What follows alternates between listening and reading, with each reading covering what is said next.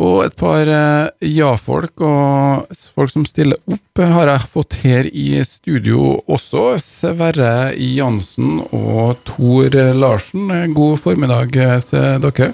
Takk skal du ha. I like måte.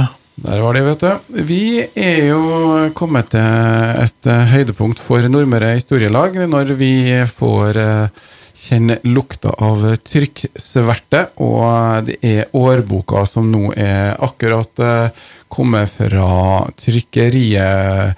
Sverre, hva er, betyr årboka for dere? Ja, årboka er kanskje den viktigste profileringsfaktoren for uh, Nordmøre Storelag. Fordi at uh, For det første går den ut til alle medlemmer, og så selger vi den på ark, iallfall her i Kristiansund, både på Futura og på Bryggen. Så det er en, en viktig sak for oss. Og så er det mange som får formidla historia si gjennom årboka. Og så er det sånn at uh, det trykkes, og den lagres, og den er til evig tid, la oss si. Så det er mange som har gleden av å se tilbake på årbøker fra gamle dager. Sommer, årets sommerlesning for uh, historieinteresserte, og særlig for dem som er lokalt uh, historieinteresserte.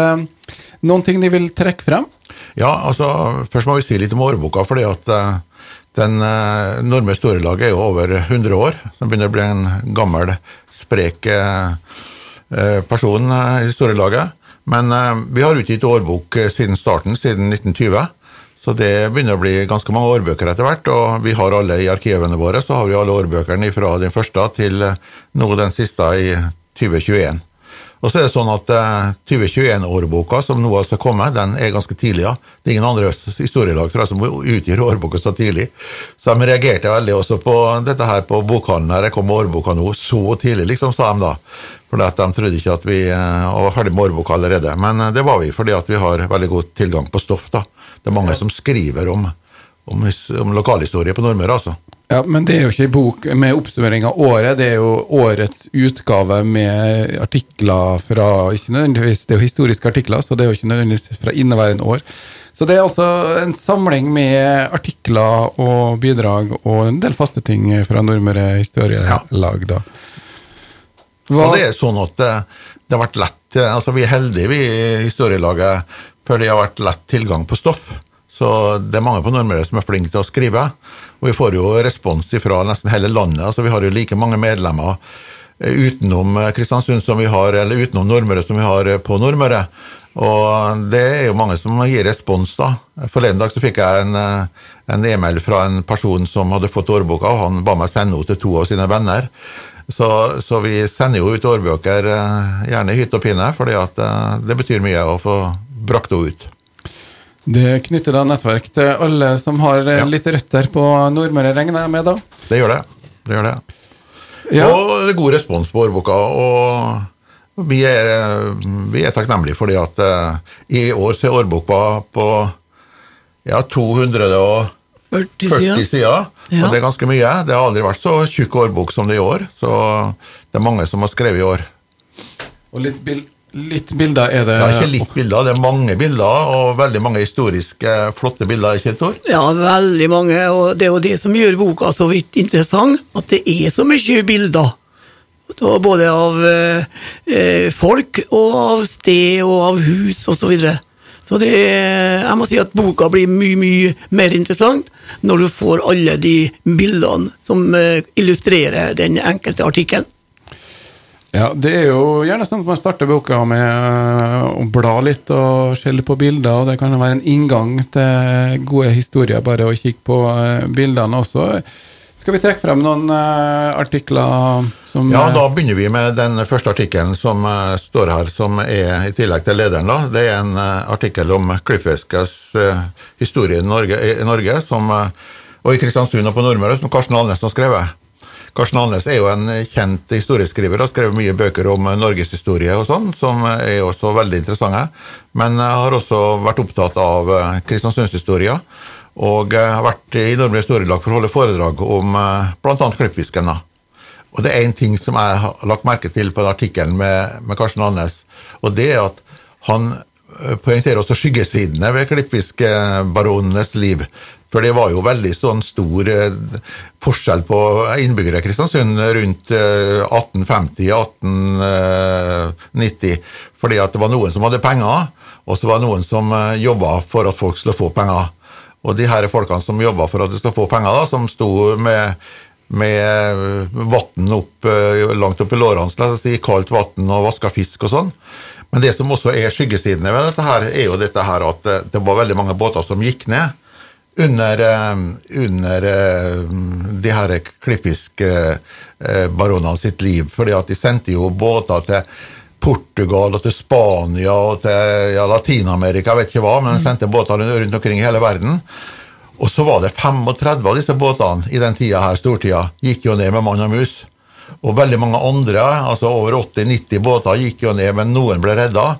Men det var jo veldig mye av mange som satt igjen her. og nesten, altså En historieskriver skriver at eh, alle i Kristiansund var berørt av eh, altså, fortvilelsen, sorgen over alle de som eh, mista livet sine for at baronene skulle få penger. og og, noe historieskrivinga i Kristiansund er jo sånn at vi hyller baronene og beskriver bøker om dem og, og syns at det er veldig flott, men det er baksiden med dette her som er skummel. Ja, men... Og jeg har lurt på det om kanskje liksom den der forskjellen mellom folk i Kristiansund, mellom de som hadde mye penger og de som ikke hadde penger, om den er en del av Kristiansundshistoria som varer ved. altså. Og Den sitter i ryggraden til mange kristiansundere, dette her, at det var stor forskjell på folk. Og Det er egentlig alvorlig hvis det sitter igjen enda i dag.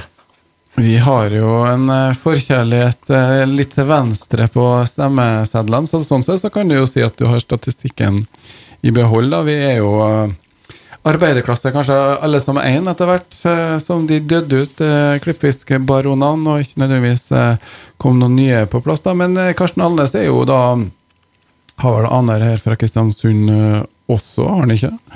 Jo, Uh, han har det. Jeg vet ikke, jeg tror kanskje vet jeg en uh, slekta hans er herifra. Ja, ja det er det. Han er fra den Alnes-slekta på Innlandet som uh, de fleste Alnes-folkene hører ikke Kristiansund er. Men det var en skolebestyrer som flytta fra Alnes på Sunnmøre og til Kristiansund og ble lærer og senere skolebestyrer på Innlandet. Og Karsten Alnes hører til den slekta. Jeg syns det er interessant før du sier noe mer interessant, å dele Kristiansunds historie. Altså før på 1700-tallet. Agentur kan eh, korrigere meg hvis det ikke er tilfellet. Da var det, da var det, da var tømmer, tømmer og hugde tømmerskog og sånn og sendte ut til eh, nær og fjern. Og så kommer på midten av 1800-tallet kommer den store storhetstida med klippfisken. Og så kommer det i min tid, 60-tallet, med silda. Og så kommer også i min tid da, dette med oljen. Så Kristiansundshistoria kan deles opp i epoker og sånn. Og mange av oss er spent på hva som følger etter oljen nå, for den skal jo reduseres av opptak av olje. Så vi er spent på hva som blir det neste. Men um, Kommunen håper jo at det blir eh, berg eh, undersjøisk eh, gruvedrift, da. Ja, ja, ja, det kan bli det, men jeg er ikke noen dykker, så jeg blir ikke med på det. Nei, vi får lov til den historien til neste generasjon. Jeg tror heller ikke noen dykker, er du? Nei, du, det skal jeg fortelle, at jeg holder hodet over vannet, ja. Ja. ja. Vi holder oss flyttende, men boka vi, Det er flere høydepunkt som du kan lese om uh... Ja, altså Terje Holm har skrevet en artikkel. Ja, vi har jo en del artikler som er nær historie. Eh, Karsten Alnes forteller, forteller, jo litt av, av den litt eh, historiske Kristiansund. Men eh, Terje Holm han har eh, en artikkel i årboka som heter 'Fergeruta på Vinjefjorden'.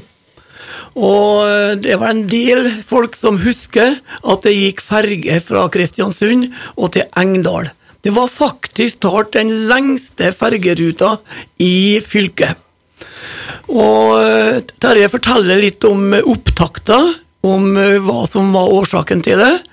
Og han forteller om de ulike fergene, og han forteller litt om kommunikasjonene på Ytre Nordmøre, og ikke minst da at med den ferga så fikk vi faktisk start en direkte forbindelse. Kristiansund-Engdal med ferge, og Hemne og Vinje Billag kjørte buss fra Engdal til Trondheim. Og eh, samme vei tilbake. Så det er nær historie, men det er vel det mange som ikke husker den eh, fergestrekninga og den forbindelsen. Det var jo da på 60-tallet. 1961 til 1968. Vi fikk en kort historie, men det var en interessant historie. Jeg sjøl var litt knytta opp mot den, fordi det var mye diskusjon på Ytre Nordmøre, i Aure Tustna, om hvor den eh, hovedlinja for kommunikasjonene mellom Aure og Kristiansund skulle gå.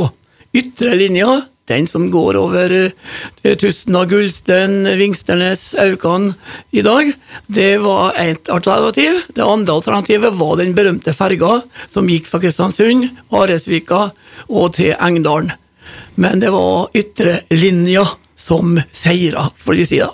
Men uh, det er artikkel som er av en nær historie. Jeg må jo forskyte inn at uh, det er jo E39 som går innover Vinjefjorden, som er hovedåra til Trondheim fortsatt, og der sprenges det jo ut eh, ny vei, men da vet vi kanskje å forstå hvorfor det er så dårlige veier innover der. for at eh, i 1961 altså til 68 så gikk det ferge innover fjorden der, og knapt nok sikkert kjørbart eh, langs etter fjordsidene der, altså. Så det kan du lese om, altså i årboka. Iført i pennen da av Terje Holm, som også har vært med i redaksjonskomiteen, og også stått for layouten og bistått i trykkeriprosessen også da. Men vi har en artikkel til som er, den er veldig grundig. Vi har en som heter Kåre Folde. Han har skrevet andre artikler også i Årbok for Norme Storylag. Men denne gangen skriver han om en amerikansk senator som heter Henry M. Jackson, som eh, har aner fra Aure. Og det er ganske spennende. Han eh, Faren Peder Isaksen Gresseth var født på Husby i Foldfjorden i 1868, men vokste opp på gresset i Evre. Og han, Henry Jackson der, han var stor i amerikansk politikk og har vært flere ganger på Aure og besøkt slekta si. og han, Kåre Foldan har vært i Amerika og besøkt slekta hans der, og sånn, han er jo død nå, da. Men han eh, var kompis med Kennedy-familien og hadde en stor stjerne egentlig i, i USA. Eh, jeg tror kanskje han var faktisk presidentkandidat, iallfall på, liksom, på, på nippet til å bli det en periode. Og var en, eh, var en, eh, senator som folk så opp til, og levde vel hele livet, tror jeg, enten i Senatet eller i Representantenes hus og, og i Kongressen. Så han var kjent egentlig i store saler i Amerika, altså. Vi kan vel si det slik at han var veldig lik en Joe Biden. Eh, men Joe Biden klarte jo til slutt å bli president, men eh, han var jo senator i en årrekke. Det samme var jo han Jackson. Han var demokrat og, demokrat, ja. ja, og var veldig for, for menneskerettigheter og sånn, og jobba veldig mye med det da i, i, en periode hvor han var aktiv i politikken i USA. Men han har aner altså til Aure, så derfor syns vi det er naturlig at han var med i Årbok for Norme Storylag, så vi kunne få vyer også fra Amerika, da. Ja, han har eh, et uh, flott bilde med legendarisk med da Kennedy, som uh, hvor han sitter og smiler. Ja. Og han har et veldig vinnende uh, smil, som jeg tror alle politikere Jeg tror han hadde et vinnende vesen også, sånn at man egentlig husket. Og Kåre Folde har har sendt mange bøker over til Amerika, da, slik at folk der også skjønner at om de ikke skjønner norsk, så, så skjønner de i alle fall det at han har satt pris på oss her på Nordmøre. da. Ja, og vi har jo hørt også en del av de som jobba på Klippfiskbergene, eh, gjorde det i perioder bare for å tjene opp nok penger til da billetten over sjøen. Så kanskje det var noen aner som eh, gjorde det samme og for over til USA, da. Ja, den som har lest eh, Edvard Hoam sine bøker, vet jo det at det var flere som for over til Amerika, og også fra vårt distrikt, da, også fra Aure, men også fra Nordmøre så er det mange som for over til Amerika. og noen har gjort det stort, og familien til Jackson de har altså gjort det stort der. Artig historie å ta med, og se hvor, eh, hvordan verden eh, henger sammen eh, også, da, og knytta sammen gjennom slekta og, og, historien da. Andre lokale ja, altså. Det er jo en historie, Tore, om, om krypturene, er det ikke det? Ja, vi snakka jo om at fergeruta på, på Vindjefjorden var en nyere historie. Men det er også den artikkel som en Ole Jørgen Virum har skrevet i boka. En, en, egentlig en lang artikkel, virker som, på 30 sider, men det er utrolig mye bilder av ulike båter som gikk. Ca. 20 båter som gikk til Grip, og spesielt har han eh, sett på eh, trafikken etter at MRF slutta i 1972. Og da kom det mange forskjellige firma, mange ulike båter, og du hadde hele tida Kristiansund kommune eh, og Reiselivsnemnda som prøvde å lage gode tilbud for både dem som hadde hus på Grip, men ikke minst for turismen.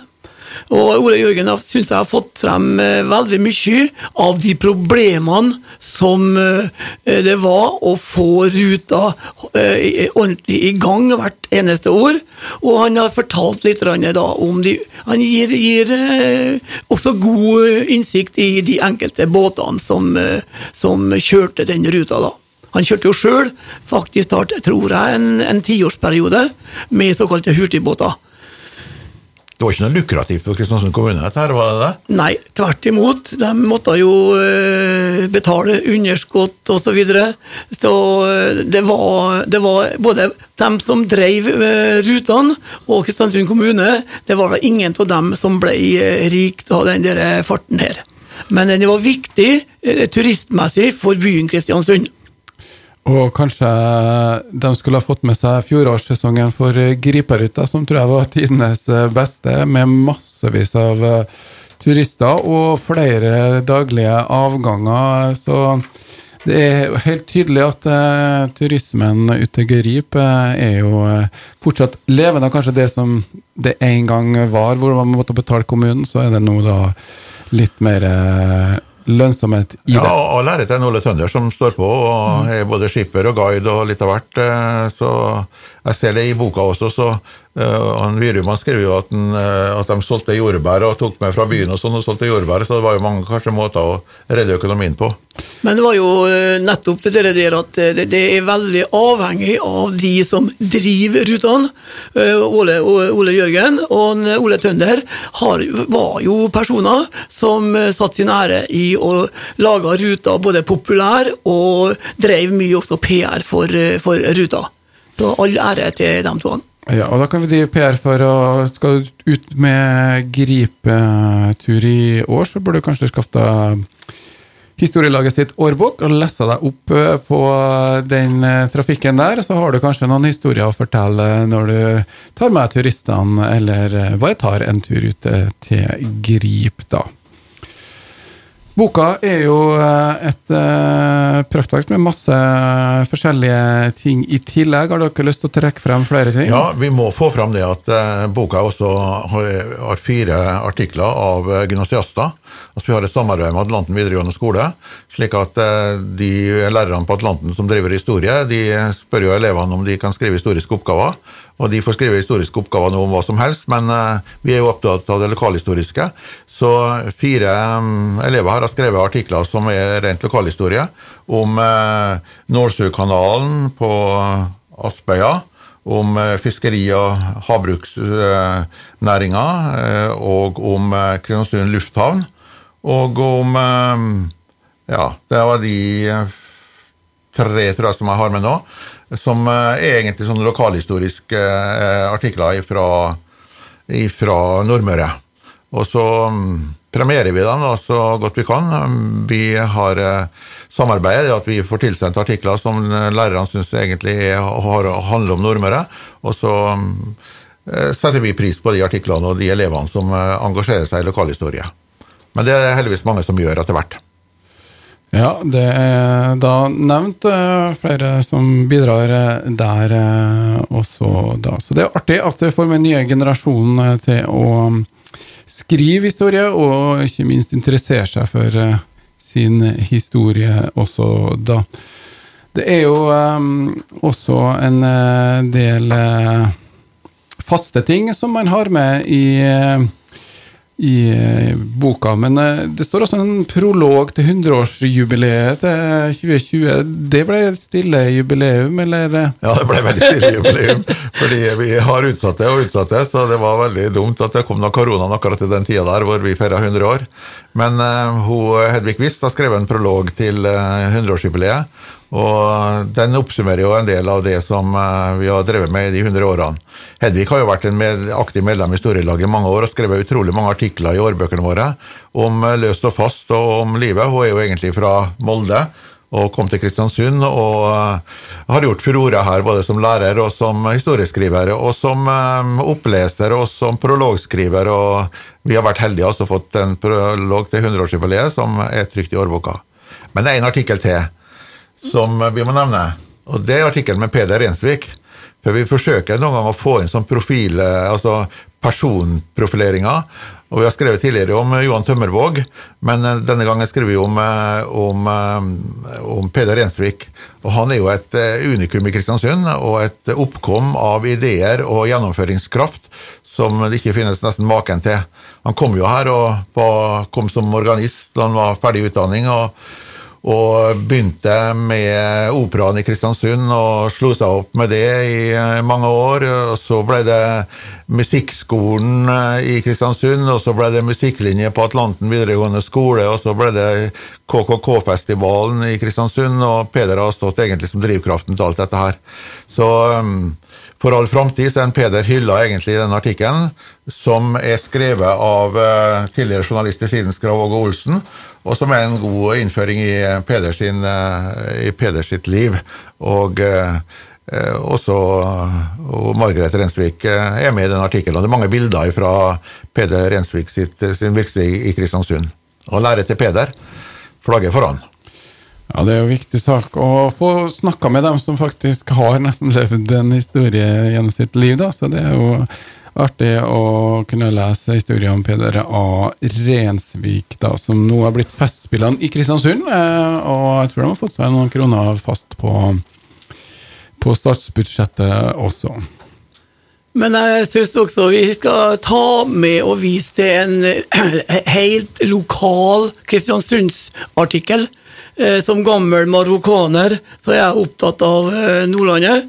Og vi har faktisk hatt en egen artikkel om et hus og folkene rundt det huset. Eh, det er Nergata 22, som ligger da lå eh, nedenfor kirka, nedenfor Lund, eller den første Nordlandet park. Og det endte jo, det huset endte jo sine dager i 1940. Men det kom et nytt bygg der, og det vil jeg tro at de fleste kristiansunderne kan huske. Det var brygga Curadores, eh, som eh, lå da i Markussundet. Og det er jo eh, veldig mye fin eh, historie. Et hus som, eh, som eh, hadde bakeri i flere generasjoner. Det var Marcelius-familien. Slo seg jo ned der og var bakere i mange tiår. Og så kom, ble det bøkkerfamilie, bl.a. da eh, bestefaren til han Per eh, Øyvind Iversen, som har laga den artikkelen. som eh, slo seg ned, og det var Bøcker-verksted frem til krigen og de eh, årene, ja, ti første årene etter krigen. Eh, etter at brann eh, var. det er mye bilder i den artikkelen nå.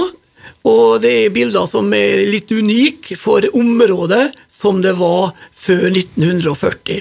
Så den eh, artikkelen er nok sikkert eh, veldig interessant for folk som kjente til gamle Kristiansund, men jeg tror også en del av de som er litt yngre, kan ha eh, en god utbytte av å få med seg den artikkelen, som jeg syns er veldig god. Det er, er det bare å løpe og kjøpe, Sverre? Det er bare å løpe og kjøpe. Det er eh, veldig fart på salget. Nei, jeg håper at eh, folk kan kjøpe boka.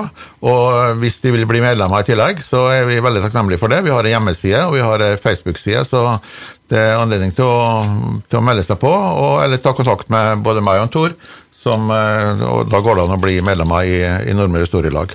Og Boka ligger jo til salgs på Ark i Kristiansund? På Ark i Kristiansund, på de to stedene i alle fall. På Futura og her i, i sentrum i Kristiansund. Ja, og det er vel det greiest å stikke innom byen for å få henta henne. Hvis ikke så er det vel bare å ta kontakt med Sverre. Ja, vi kan sende henne, vi, så det går veldig fint, det. Mm. Ja, eh, det er noe du kan ha med deg overalt, og ikke avhengig av batteri. Sånn at eh, om eh, du skal ha noe lesestoff med, så er det det som er alternativet. Men det blir jo en del lokalhistorie i eh, sommer eh, også. Ja da, vi har eh, sommerprogram, som vi kaller det. Og det er de tre første lørdagene i juli måned. Så har vi sommerprogram, og det er i lokalene til Næringshistorie Nordmøre på vei ned i, til Bryggen kjøpesenter fra Storgata. Så det vil være mulig å finne fram til de lokalene hvor vi kan ta imot ikke sprengfullt, men vi kan ta imot en del personer. Første møte blir nå på lørdag, hvor en som heter Johannes Finseth kommer og forteller om Mellan fort. Mellan fort ligger i Aure, på Skarsøya, tror jeg det må være. Og der er det gammelt eh, fort fra, som tyskerne brukte da, til å kontrollere egentlig eh, skipsfarten eh, på kysten. Og hadde veldig mye utstyr. og Det var jernbane, og det var litt av hvert på Mæland fort, og det var mange tyskere som lå der også. Og det er like utenom gården der han Johannes Finstedt har drevet gård da i mange år. Så det ble et interessant foredrag, og Johannes har skrevet i fjorårets årbok en lang artikkel som er veldig god også, om eh, Mæland fort og om tyskernes virksomhet i Aure.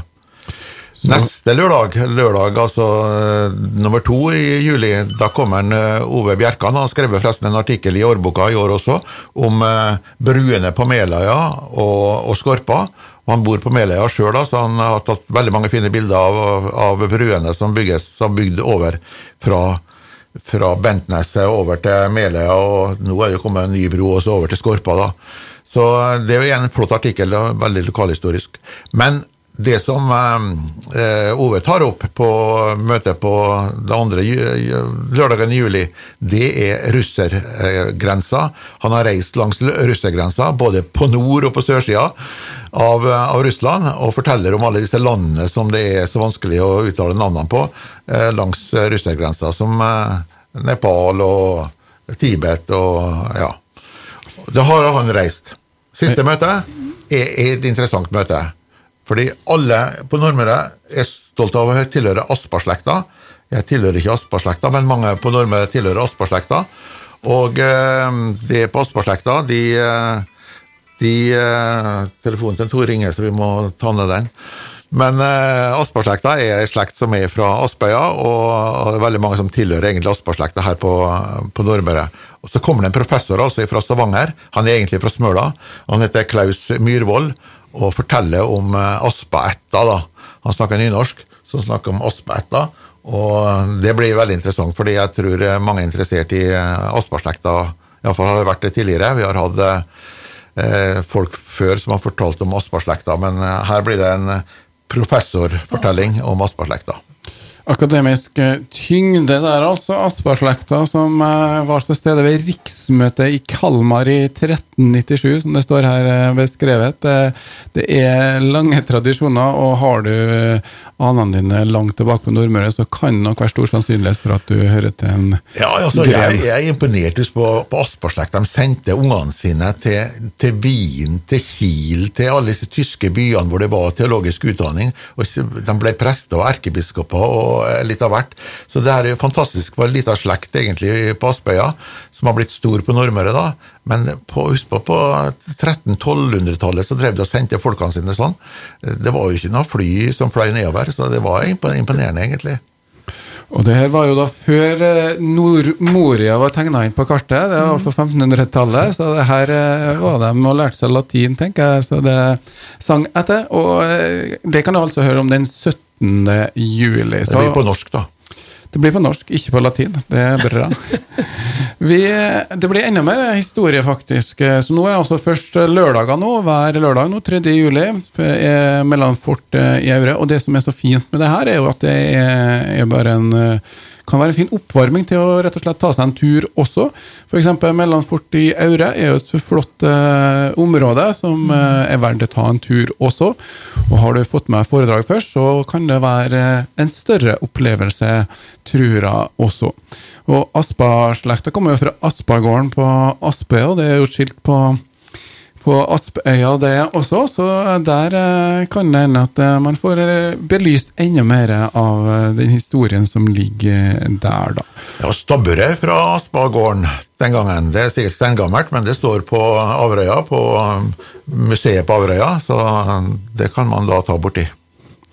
Ikke verst, bare det. Og så 19. juli skal jeg faktisk i ilden da med mm, nordmørske sjøfolk. Apropos det vi snakka om tidligere, og, og, de som bidro til på en måte klippfisktransport og egentlig alt transport, så blir det da en eh, ja, livesending, kan vi kalle det, med et uh, tema, nordmørske sjøfolk, hvor jeg da skal ha med meg da Kjell Bjarne Dahl, som har uh, vært en av to forfattere av en bok som heter 'Fra tramp til offshore', og hvor da det handler om nordmørske sjøfolk, og vi får også med oss en eh, sjømann, eller i hvert fall tidligere sjømann.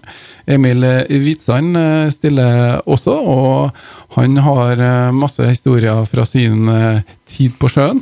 Og også sikkert litt å belyse det med at han har vært eh, lærer på styremannsskolen eh, også. Så her er full sommer nå. Med, vi tenkte egentlig vi skulle ta en liten historiepodkast fri, men uansett, her har du tilbud om både årbok fra Nordmøre Historielag, du har hver lørdag nå, og vi kan godt gjenta plassen det ligger. altså ved alltid futt Alltid brygga? Ja, i Storkaia? Ja, nei, sentrum, ja. Mm. da er på oversida av den utgangen som går Hvis du går ned stor, bortover Storgata, så er det på venstre, så går fra kaibakken da, så går det på venstresida ned til brygga, ned, ned til kjøpesenteret.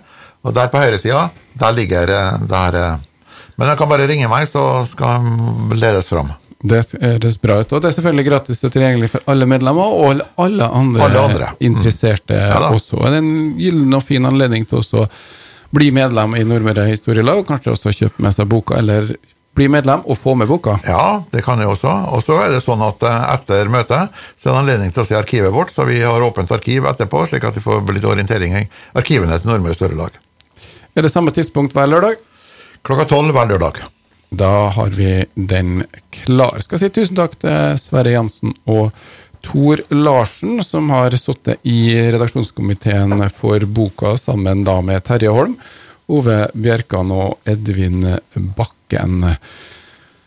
Så det. Da får de kose dere med mer historie i sommer, og så skal vi eh, ta og runde av med litt uh, musikk her. Jeg hadde tenkt jeg skulle få en uh, liten sommerlåt fra Nordmøre ut her eh, i vår eh, lokale radio, men eh, knappene mine strekker helt til, så vi ser om vi ikke får tatt en, bare en annen låt her. Vi kan ta Ove Borrøgstad, 'Et veit et sted', før det blir litt reklame.